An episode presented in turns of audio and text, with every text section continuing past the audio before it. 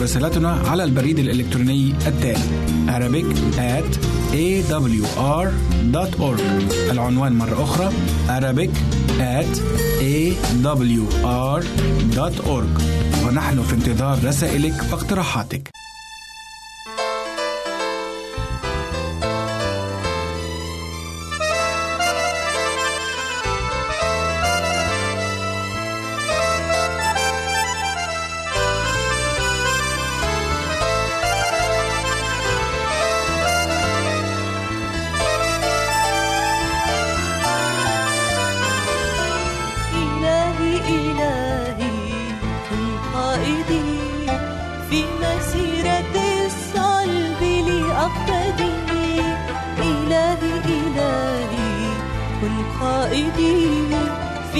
سيرة الصلب لأقتدي. أراك ضعيفا وأنت القوي تصفح وتغفر لكل معتدي.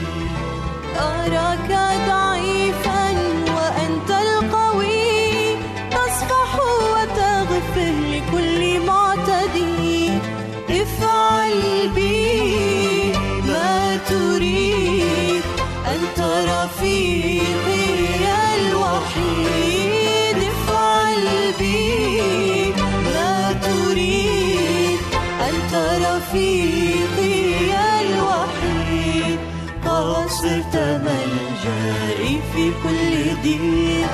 أسرع إليك وأحتمي فيك صرت ملجئي في كل ضيق أسرع إليك وأحتمي فيك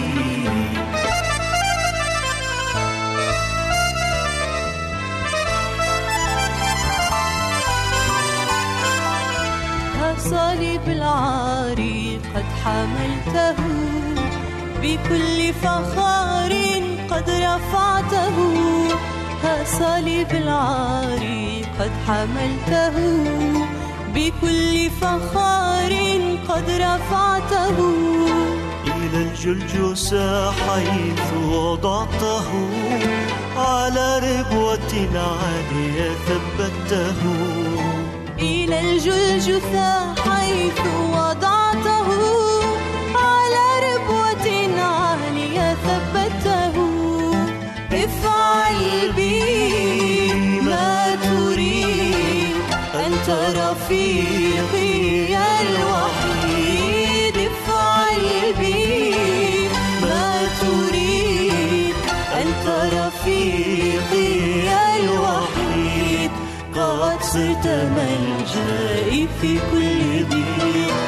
أسرع إليك وأحتمي فيك.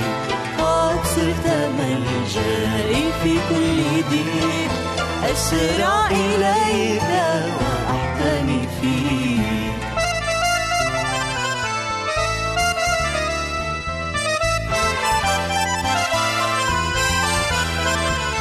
قد وضعت ذاتك على صليب العار. مستسلما له بكل إصرار قد وضعت ذاتك على صليب العار. مستسلما له بكل إصرار. اسمع دقة قلبك مع دقة المسمار.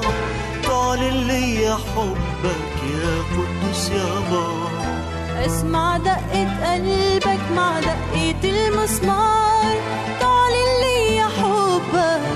حبك يا بار افعل بي ما تريد أنت رفيقي الوحيد افعل بي ما تريد أنت رفيقي الوحيد قد صرت ملجئي في كل ضيق أسرع إليك قد صرت ملجئي في كل ضيق أسرع إليك وأحتمي فيك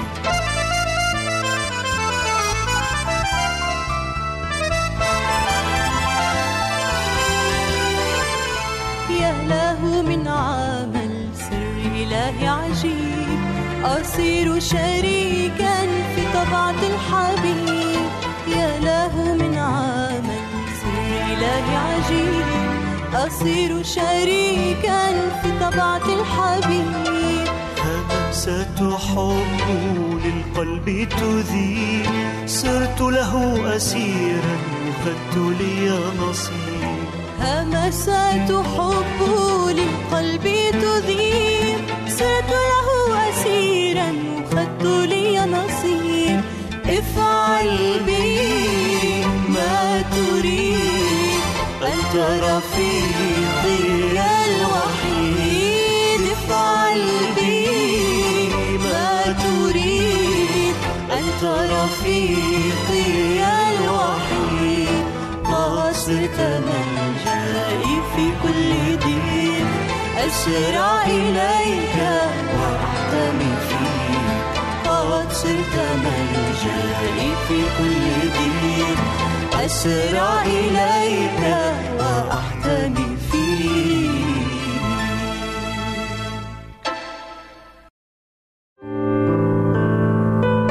عزيزي المستمع يمكنك مراسلتنا على عنواننا الإلكتروني Arabic at awr.org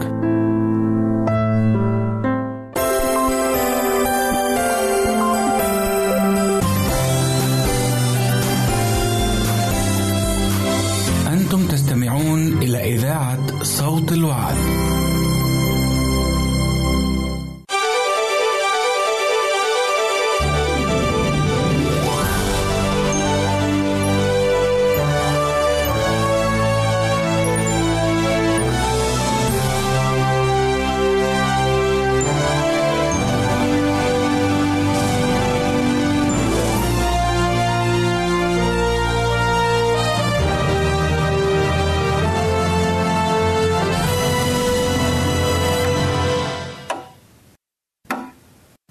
الدرس اليوم بده يكون عن دعوة إلى عرس. العرس مناسبة للفرح للبهجة. وأول عرس بدأ في الأرض بعدما خلق الله كل شيء جيد. خلق الإنسان كاملا بعقله وشكله وأفكاره. وأيضا خلق حواء لآدم ليتعاونا. لكن آدم وحواء في عرس أول عرس على الأرض. طبعا كان هناك فرح وبهجة في الكون. ويقول الكتاب المقدس عندما ترنمت كواكب الصبح معا وهتف جميع بنو الله. كان عرس جميل جدا. لكن اليوم هنا نرى عرس ناس يفرحون وهناك ناس يحزنون. لذلك أول ما عمل السيد المسيح عندما ولد متواضعا وديعا وبدأ رسالته. جاءه أو جاءته دعوة إلى عرس. والكتاب المقدس يقول يسوع وتلاميذه دعوا إلى عرس. وطبعا يسوع مستعد أن يلبي كل دعوة إلى عرس أو إلى أي مناسبة إلى بيت فلبى يسوع الدعوة إلى العرس. وهناك تعلمون أن يسوع في كل ما مكان وجد كان لغاية ولقصد. نفذ الخمر. نفذ الخمر. لكن يسوع كما تعلمون يستطيع أن يخلق لأنه هو الذي في البدء خلق كل شيء به كان كل شيء وبغيره لم يكن شيء. فيصنع يقدر أن يصنع من من الماء يقدر أن يصنع من الماء خمر. عندما نفذ الخمر وكان الناس يترنحون من المسكر يسوع قدم خمرا جديدا. هذه الخمرة ترمز ولا شك إلى الخمرة التي قدمها للتلاميذ عندما قال اشربوا هذا لذكري. هذا هو دمي للعهد الجديد. فيخطئ أيها الأعزاء يخطئ من يظن بأن يسوع قدم خمرا مسكرا في تلك المناسبة. لأنه لا يريد أن يزيد المسكر للناس لكي يترنحوا أكثر. وسيكون هناك عرس وشبه يسوع نفسه. ملكوت السماوات بعرس. وفي إنجيل متى الثاني والعشرين كلمهم بمثل وقال يشبه ملكوت السماوات إنسانا ملكا صنع عرسا لابنه وأرسل عبيده. لم يرسل بطاقة آه، دعوة لكن بذاته أرسل ناس لكي يدعو. لكن مع الأسف الناس رفضوا الدعوة. أنا لو دعاني ملك إلى لكي أحضر عرس ابنه لذهبت حتى أركض. لكن هؤلاء رفضوا. من هذا المثل نتعلم درس. هذا الدرس كان أو المثل مقدم للشعب للشعب اليهودي لكي يقبلوا المسيح مخلصا. لذلك رفضوا وعندما رفضوا أرسل مرة ثانية الله يعطينا فرصة ثانية. دعوهم تعالوا الملك بيلكم تفضلوا. كل شيء مهيأ كل شيء جيد. تعالوا. كمان رفضوا. لذلك زعل الملك. وقال لهم لخدامه روحوا للشوارع لمفارق الطرق وادعوا الكل. قالوا لن يجوا. كل شيء مهيأ. وقال إنه هودي اللي رفضوا هودي اللي رفضوا العرس والدعوة. فكان هناك غضب. غضب عليهم وقال انه هودي بدن يكون اخرتهم سيئة لأنهم رفضوا رفضوا نعم دعوة الملك لكي يحضروا العرس. عندما ستنتهي الخطيئة ونتائجها أيها الأعزاء سيكون عرس للكون. قال للمدعوين ينبغي أن تلبسوا لباس العرس. في في شيء آه لازم تلبسوه. الملك بيعطيكم إياه. ما في لزوم تجيبوا ثياب آه كثير غالية. أنا عندي آه روب جميل جدا وكويس ولائق. آه بعطيكم إياه مجانا. آه لذلك آه أتى الناس وكل واحد لبس اللباس الذي قدمه الملك إلا شخص. فيقول الكتاب المقدس بأن ذلك الشخص الذي رفض أن يلبس الروب الروب اللباس اللي قدمه الملك. جاء الملك وسأله قال له يا صديقي لماذا لا تلبس لباس العرس المناسب؟ فرفض ذلك الشخص. عندما رفض هذا يعني رفض نعمة الرب. رفض أيضا دعوة الله. الدعوة للعرس لا زالت تقدم اليوم. دعوة للعرس الذي هو يرمز إلى ملكوت المسيح إلى أن يكون المسيح هو ملكنا ومخلصنا وسيدنا. الدعوة مقدمة للكل وأنا شخصيا أحسب نفسي أنني أشكر الله الذي دعاني وأنا قبلت الدعوة. ومن واجبي أنا وواجب السامعين والمشاهدين هم أيضا أن يكونوا خدام الملك ويذهبوا إلى كل مكان ويدعو الناس إلى العرس. تعالوا كلوا واشربوا مجانا.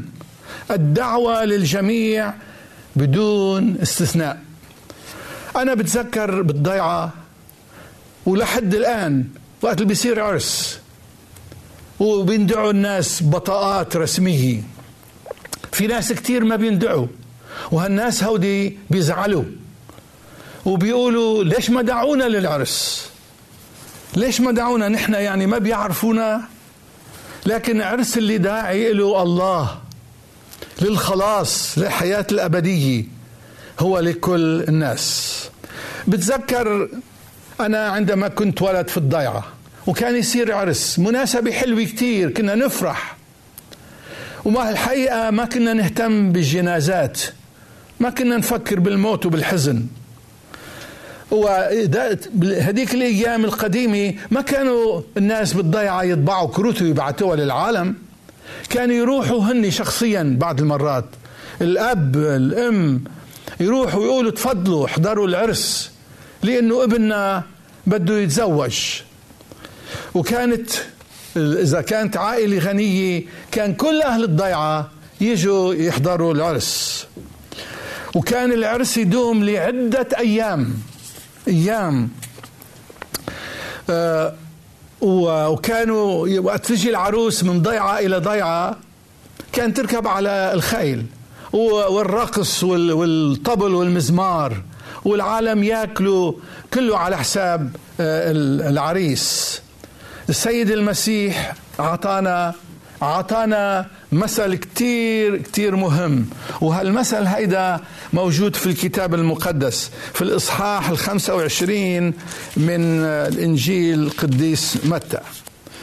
خمسة وعشرين هنا يقول حينئذ كمان السيد المسيح شبه ملكوت السماوات بعرس. وقال عن عشر عزارة. العزارة كنا يلبسن الثياب خاصة لمناسبة العرس. ذهبنا للقاء العريس. وحملنا جميعهن مصابيح. لكي يسرن أمام العريس عندما يأتي من مكان لكي يأتي إلى العرس. تأخر كما يقولون تعبنا نعسنا فنمنا جميعا جميعهن نمنا. لكن اجى صوت يقول العريس قادم قوموا استعدوا للقاء العريس. العشر عذارى كنا بنفس الشكل. لكن الفرق هو خمس منهن حكيمات. لماذا حكيمات؟ لأنهن يحملن المصابيح الممتلئة بالزيت. أما الخمسة الجاهلات يحملن المصابيح لكن ليس زيت في المصابيح. قلنا الخمسة الجاهلات كما قال المسيح سألنا الحكيمات أعطينا من زيتكن. فأجبنا لا يوجد عندنا كفاية لكن ولنا. وراحوا يشتروا زيت لكن تأخروا. وقت تأخروا اجى العريس ودخل. وعندما دخل العريس ماذا حدث؟ حدث أن الباب أغلق. وعندما أغلق الباب ركضنا وبكل حزن طلبنا أن يفتح الباب. طرقنا الباب لكن سمعنا صوت من الداخل يقول من أنتن؟ لا أعرفكم اذهبوا عني. هيدا مثل أيها الأعزاء كتير كتير مهم. في كتير ناس مخلصين أمناء بيحبوا المسيح بيحبوا يكونوا مستعدين لمجيئه. لكن ما عندهم الزيت ما هو الزيت؟ طبعا قديما نحن كلنا بنعرف إنه الزيت كان يستعمل للعلاج زيت الزيتون وللإضاءة ويرمز روحيا إلى كلمة الله سراج لرجلي كلامك ونور لسبيلي ويرمز أيضا للروح القدس. العذارى مع الأسف لم الخمسة الجاهلات لم يكن مستعدات. الأهم والمهم في حياتنا اليوم خصوصي ونحن نشاهد بعدما سمعنا أكثر من مرة وشاهدنا عظات وأخبار تقول إن النهاية قريبة. نحن نحن أيها الأعزاء يجب أن نلبي دعوة العرس. أخطر كلمة وأحزن كلمة يسمعها الإنسان من فم المسيح اللطيف المحب الوديع. اذهب لا اعرفك في الكتاب المقدس أكثر من مناسبه أكثر من وقت. آه نسمع يسوع يقول من أنتم؟ قالوا يا سيد نحن تنبأنا باسمك وأخرجنا الشياطين وصنعنا إياد آيات عظيمة. يقول اذهبوا عني لا أعرفكم. قريبا جدا سوف يعلن للكون سوف يعلن للكون عرس الخروف. العرس الذي سيكون الفرح لا وقت وقتي لا فقط سبعة أيام بل يكون فرح للكون وللأرض. عرس عظيم. في عرس صار بإنجلترا. سموه آه، عرس العصر. كان للأمير ويليام وخطيبته كاثي. هذا العرس الملوكي دعي إليه الأغنياء طبعا والمشهورين. لكن عرس الكون سيدعى إليه كل شخص.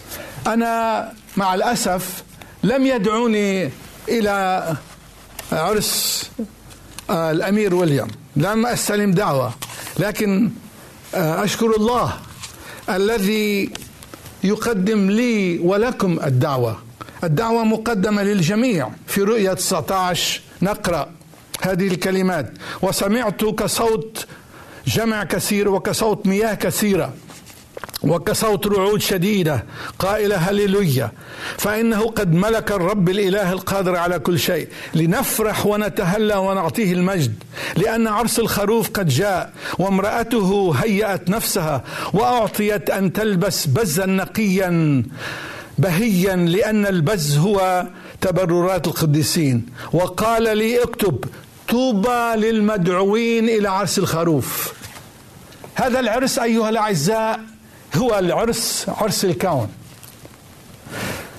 عندما الكنيسة التي أحبها يسوع التي تشبه بعرس بعروس والمسيح هو العريس الذي سيكون كل العالم مدعو إليه كل الكون مدعو إليه. وسيلبس الكل ثوب نقي بهي والعروس التي هي الكنيسة التي مات من أجلها المسيح وقدم نفسه لكي يطهرها كما يقول الكتاب المقدس. يغسلها من خطاياها ويحضرها لنفسه بلا عيب مجيدة ولا دنس. هذا العرس أيها الأعزاء هو للكل. الله يدعوك أنت ويدعوني أنا. لا داعي لكي تأتي بهدية بهدية إلى العرس. ولا حتى الرب سيعطيك ثوب هذا الثوب سيكون نقي جدا. الثوب هو تبررات القديسين. في هذه الدنيا أيها الأعزاء هنا عرس هناك مأتم. هنا فرح هناك حزن. هنا سلام هناك حرب. في هذه الدنيا. لكن عرس الكون الذي هو عرس المسيح والكنيسة لن يكون هناك حزن ولا وجع فيما بعد. لا حاجة أن تجلب هدية في العيد أو في في في العرس. الله لا ينتظر منك هدية ينتظر منك أن تقدم قلبك. يا ابني أعطني قلبك. مرات ناس يذهبون وما عندهم هدية فقراء. لكن أيها الأعزاء مرات كثيرة نسمع أناس دعوا إلى عرس لكن لأنهم فقراء ولا يستطيعون أن يأخذوا هدية لا يذهبون للعرس. لكن نحن مدعوين لكي نحضر العرس. وتأملوا بأن الملك الذي دعا إلى العرس هو سيعطينا سيعطينا ثوب تتذكروا قصة الابن الضال؟ كليتنا بنعرف. اللي كان غني وترك بيه وراح إلى مكان بعيد. وراح قضى وقت هناك بذر أمواله مع الخطاط وعاش حياة سيئة حتى صار فقير. وتيابه رسي جدا. وكان يتمنى ياكل من أكل الخنازير. آه، قال بقلبه أنا بدي أرجع لعند بيي. لأنه بيعرف إنه بيه مستعد يقبله مستعد يرحب فيه. وبالفعل رجع لعند بيه القصة بتقول وقال له يا أبي أنا ما بستاهل كون ابنك حتى خادم لك أنا. لكن الأب فرح كتير كتير. الأب اللي بيرمز لله. قال له أنا فرحان فيك. وهالأب هيدا مو بس فرح. وقبله لابنه هيدا الضال البعيد اللي لابس ثياب الرسي الفقير. كمان دعا كل الناس لكي يفرحوا معه. وقال لهم خذوا هالثياب الوسخة هاي. وأعطوه ثوب جديد. وذبح له آه عجل مسمن. ودعا الناس وقال افرحوا لأن ابني هذا ميتا فعاش وكان ضالا فوجد. اليوم الدعوة مقدمة لكل واحد منا أيها الأعزاء. نحن فقراء لكن عندنا قلب نستطيع أن نعطيه. والله بيعطينا ثوب. دعونا نقرأ مرة ثانية هذه الآية الجميلة. الوعد هو للكل واحد منا. فرحا أفرح بالرب. تبتهج نفسي بإلهي لأنه قد ألبسني ثياب الخلاص. كساني رداء البر. مثل عريس يزين يزين بعمامة ومثل عروس تزين بحليها. الله بيرحب فينا وبيحتفل برجوعنا. نحن اليوم لازم لازم نطلب آه، من كل الناس مو بس نحن نروح للعرس لازم نطلب من كل الناس ان يرجعوا. آه، في عاموس هناك وعد وفي الكتاب المقدس أيضا قال يسوع العرس مستعد تعالوا لكن المدعوين غير مستعدين. إن المسيح هنا جملة جميلة جدا. إن المسيح ينتظر باشتياق أمنيته لإظهار ذاته في كنيسته. بتوقع أنه من اللي بيدعوا إن هن اتباعه يكون شكل وحياه وسلوك وتصرفات وطباع مثله. وعندما تنطبع صفاته في شعبه تماما فحينئذ سيأتي ليطالب بهم خاصته. بيجي بيقول هودي شعبي هودي أتباعي هودي بيشبهوني هودي مثلي هودي إخوتي لأنه هو المسيح يشبه إخوته في كل شيء. لكن بلا خطية كما يكون يقول الكتاب المقدس. آه الرب يبارك ويساعد. كل إنسان يريد أن يأتي ما عندك طريقة تقدر تجي أنا بجيب جيبك ما بتعرف الطريق أنا بدلك. أنا الطريق والحق والحياة. ما عندك ثوب أنا بعطيك. وما عندك هدية جيب قلبك. قلبك الملآن بالروح القدس. السؤال هو كيف أنا صحيح؟ بقدر كون آه، من المدعوين والمقبولين مو من المرفوضين.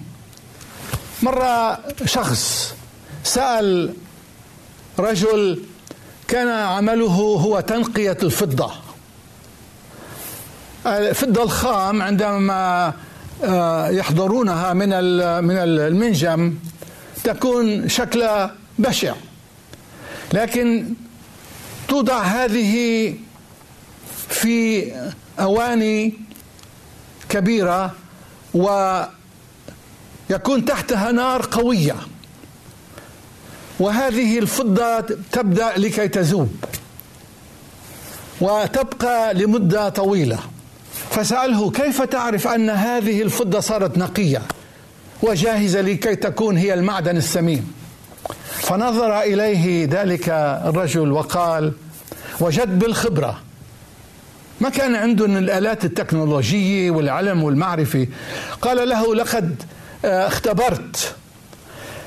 عندما انظر إلى الفضة المحماة بحرارة عالية. أنظر إلى إليها. أرى وجهي ينعكس كمرآة بالفضة وعندما ينعكس وجهي في تلك المادة الحامية والدائبة عندئذ عندما أرى نفسي عندئذ أعرف بأن الفضة صارت نقية. ونحن أيها الأعزاء لكي نكون مستعدين وأنقياء. طوبى لأنقياء القلب. عندما نكون أنقياء ومستعدين وعندما نظهر ونعكس صفة المسيح صفات المسيح وطباع المسيح في حياتنا عندئذ مثل الفضة النقية. يسوع بشوف أنا أرى نفسي بأتباعي. هم مثلي. سموهم مسيحيين لأنهم يشبهونني لأنهم يظهرون حياة مثل حياتي. فأنا آتي لكي أطلبهم لنفسي. قال يسوع أنا آتي سريعا وأجرتي معي ليجازي كل واحد.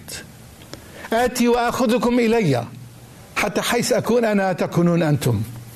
أيها الأعزاء أرجو أن نكون مثل الحكيمات المستعدات اللواتي دخلنا مع مع العريس إلى العرس وفرحنا به. هذه أمنيتي. أنا أتمنى أن أكون وأنا أدعوكم باسم الرب لكي تقبلوا دعوة الملك إلى العرس. أنت وأنت مدعوين. تعالوا. لا تجلبوا معكم شيء. الرب معكم. آمين.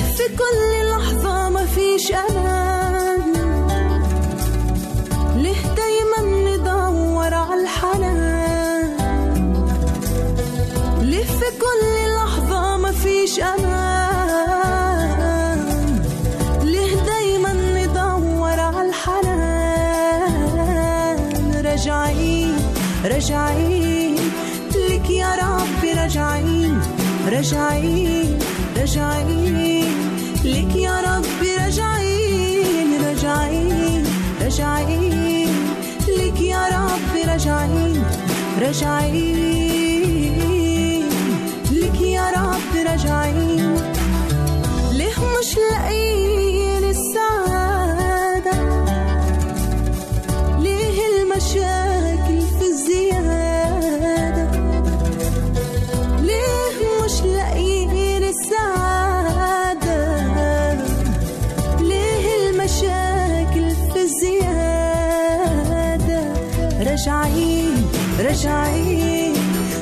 رب راجعين راجعين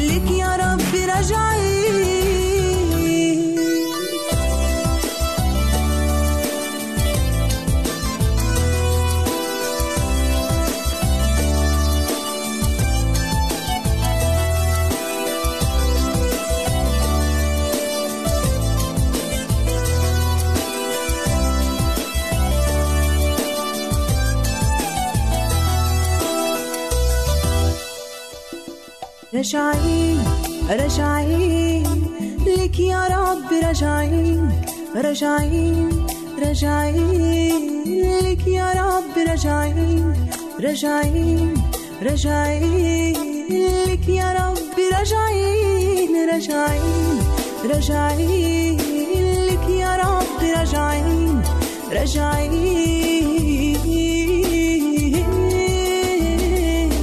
راجعين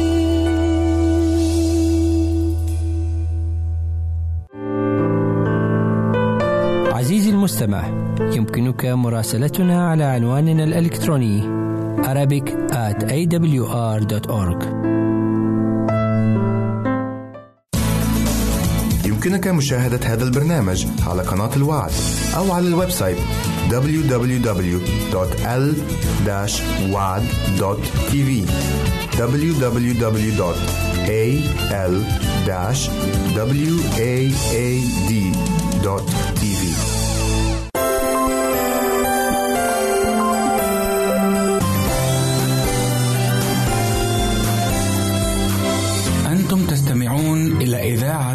صوت الوعد أعطر تحية نهديها لكم أيها الأعزاء في لقاء جديد مع برنامج دنيا الأدب. سيدور حديثنا في هذا اليوم عن الأمثال وسنورد لكم بعض الأبيات الشعرية والمقاطع النثرية التي وضعت لهذا الغرض بصورة خاصة.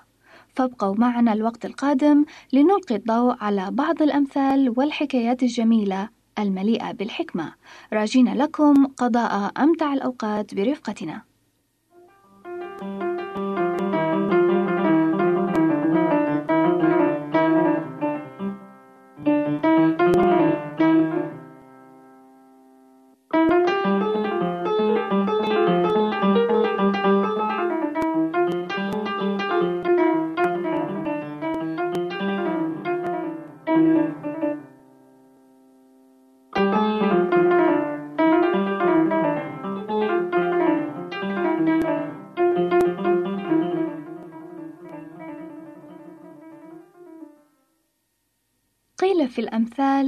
في العجلة الندامة وفي التأني السلامة. وقيل أيضا من تأنى نال ما تمنى وقد أراد الشاعر أحمد شوقي أن يعلمنا هذين المثلين بطريقة ملموسة فأورد لنا حكاية القبرة وهي صنف من أصناف الطيور انصرفت إلى تعليم ابنها الطيران. وقد خالف هذا الابن إشارتها وأراد أن يظهر المهارة واستعجل في الارتفاع. فسقط ونال جزاء غروره. وقد كتب أحمد شوقي في ذلك قصيدة جميلة جدا تحمل عنوان القبرة وابنها. أقرأ لكم منها ما يلي. رأيت في بعض الرياض قبرة تطير ابنها بأعلى الشجرة وهي تقول يا جميل العش لا تعتمد على الجناح الهش. وقف عند عود بجنب عودي وافعل كما أفعل في الصعود. فانتقلت من فنن إلى فنن وجعلت لكل نقلة زمن. كي يستريح الفرخ في الأثناء فلا يمل ثقل الهواء. لكنه قد خالف الإشارة لما أراد أن يظهر الشطارة وطار في الفضاء حتى ارتفع فخانه جناحه فوقع. فانكسرت في الحال ركبته ولم ينل من العلا مناه ولو تأنى نال ما تمنى وعاش طول عمره مهنى. لكل شيء في الحياة وقته وغاية المستعجلين فوته.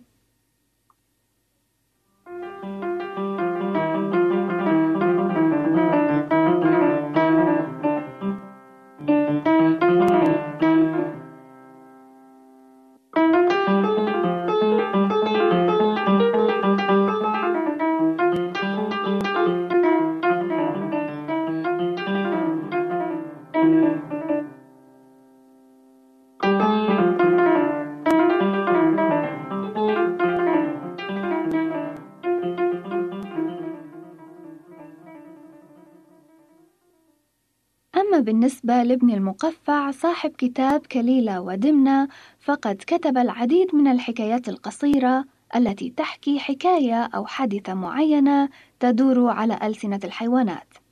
وهدف ابن المقفع من هذه القصص والأمثلة البسيطة هو تقريبها إلى أذهان الناشئة، وإعطاء مغزى لإرشاد الإنسان. وقد اخترت لكم أيها الأعزاء أحد الأبواب الأساسية الشهيرة التي احتواها كتابه كليلة ودمنة، وهذا الباب يحمل اسم الحمامة والثعلب ومالك الحزين، وفيه يتحدث عن قصة حدثت ما بين هذه الحيوانات الثلاثة، أراد منها هذا الأديب أن يوضح مثل الذي ينفع غيره بآرائه، وهو نفسه لا يعمل بها. ويبدأ أحداث هذه القصة بما يلي: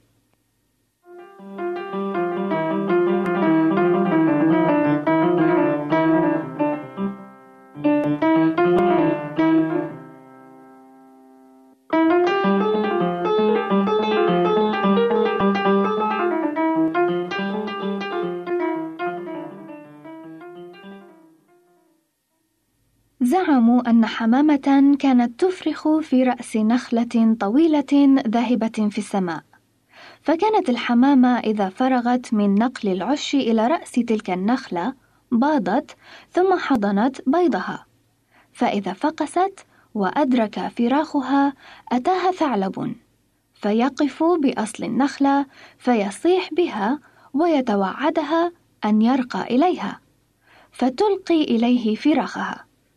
بينما هي ذات يوم وقد أدرك لها فرخان إذ أقبل مالك الحزين فوقع على النخلة.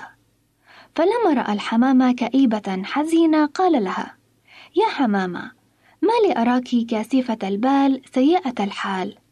فقالت له مالك الحزين إن ثعلبا دهيت به كلما كان لي فرخان جاءني يهددني ويصيح في أصل النخلة. فأفزع منه فأطرح إليه فرخية فقال لها مالك الحزين إذا أتاك ليفعل ما تقولين فقولي له لا ألقي إليك فرخية فرق إلي وغرر بنفسك. وما هي إلا أيام حتى أقبل الثعلب ووقف تحتها ثم صاح كما كان يفعل. فأجابته الحمامة بما علمها مالك الحزين. فقال لها الثعلب أخبريني من علمك هذا؟ فقالت: علمني مالك الحزين. فأضمر الثعلب لمالك الحزين سوءا، وأتاه على شاطئ النهر واحتال عليه حتى تمكن منه، ثم قال له: يا عدو نفسه تري الرأي للحمامة وتعلمها الحيلة لنفسها وتعجز عن ذلك لنفسك حتى يتمكن منك عدوك ثم قتله وأكله.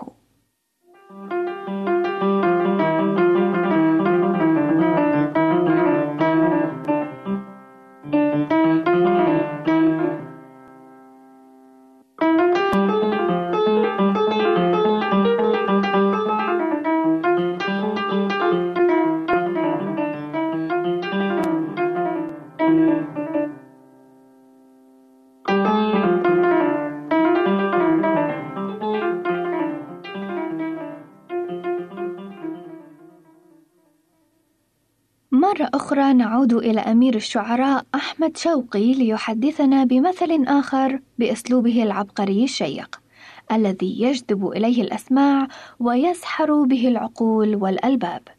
في هذه المرة سيحدثنا عن قصة الثعلب المخدوع الذي خدع بكلام الناس، فبات مخدوعا بدلا من أن يكون هو المخادع. وفي ذلك يقول الشاعر: قد سمع الثعلب أهل القرى يدعون محتالا بي يا ثعلب. فقال حقا هذه غاية في الفخر لا تؤتى ولا تطلب. من في النهى مثلي حتى الورى أصبحت فيهم مثلا يضرب. ما ضر لو وافيتهم زائرا أريهم فوق الذي استغربوا. لعلهم يحيون لي زينة يحضرها الديك أو الأرنب. وقصد القوم وحياهم وقام فيما بينهم يخطب. فأخذ الزائر من أذنه وأعطي للكلب به يلعب. فلا تثق يوما بذي حيلة إذ ربما ينخدع الثعلب.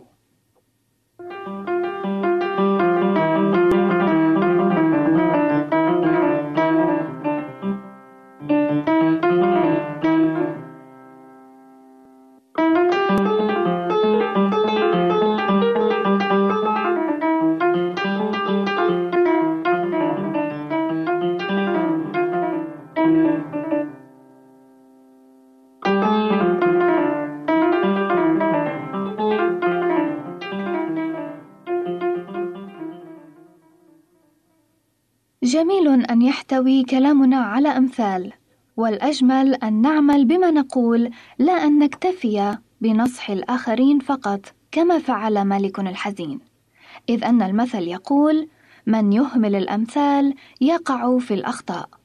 وتذكروا أعزائي القول الذي يقول بأن المثل في الكلام كالملح في الطعام. فما أجمل أن يكون كلامنا محلى بكلمات التشجيع والرقة ومملح بالأمثال والحكمة. كنتم برفقة هنا سليم، أستودعكم في رعاية الله وإلى اللقاء. عزيزي المستمع، يمكنك مراسلتنا على عنواننا الإلكتروني Arabic at awr.org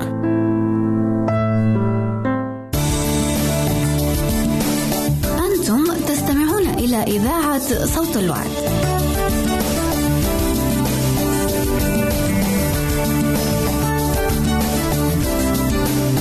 عزيزي المستمع يمكنك مراسلتنا على البريد الإلكتروني التالي Arabic at awr.org العنوان مرة أخرى Arabic at awr.org ونحن في انتظار رسائلك واقتراحاتك.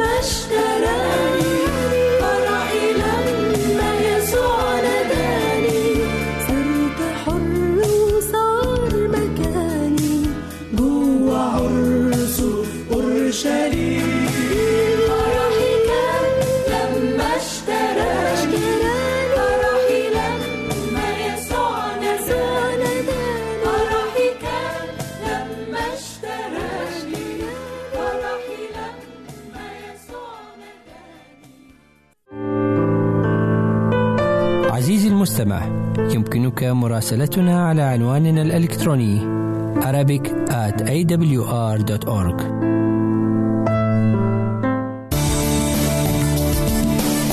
أنتم تستمعون إلى إذاعة صوت الوعد.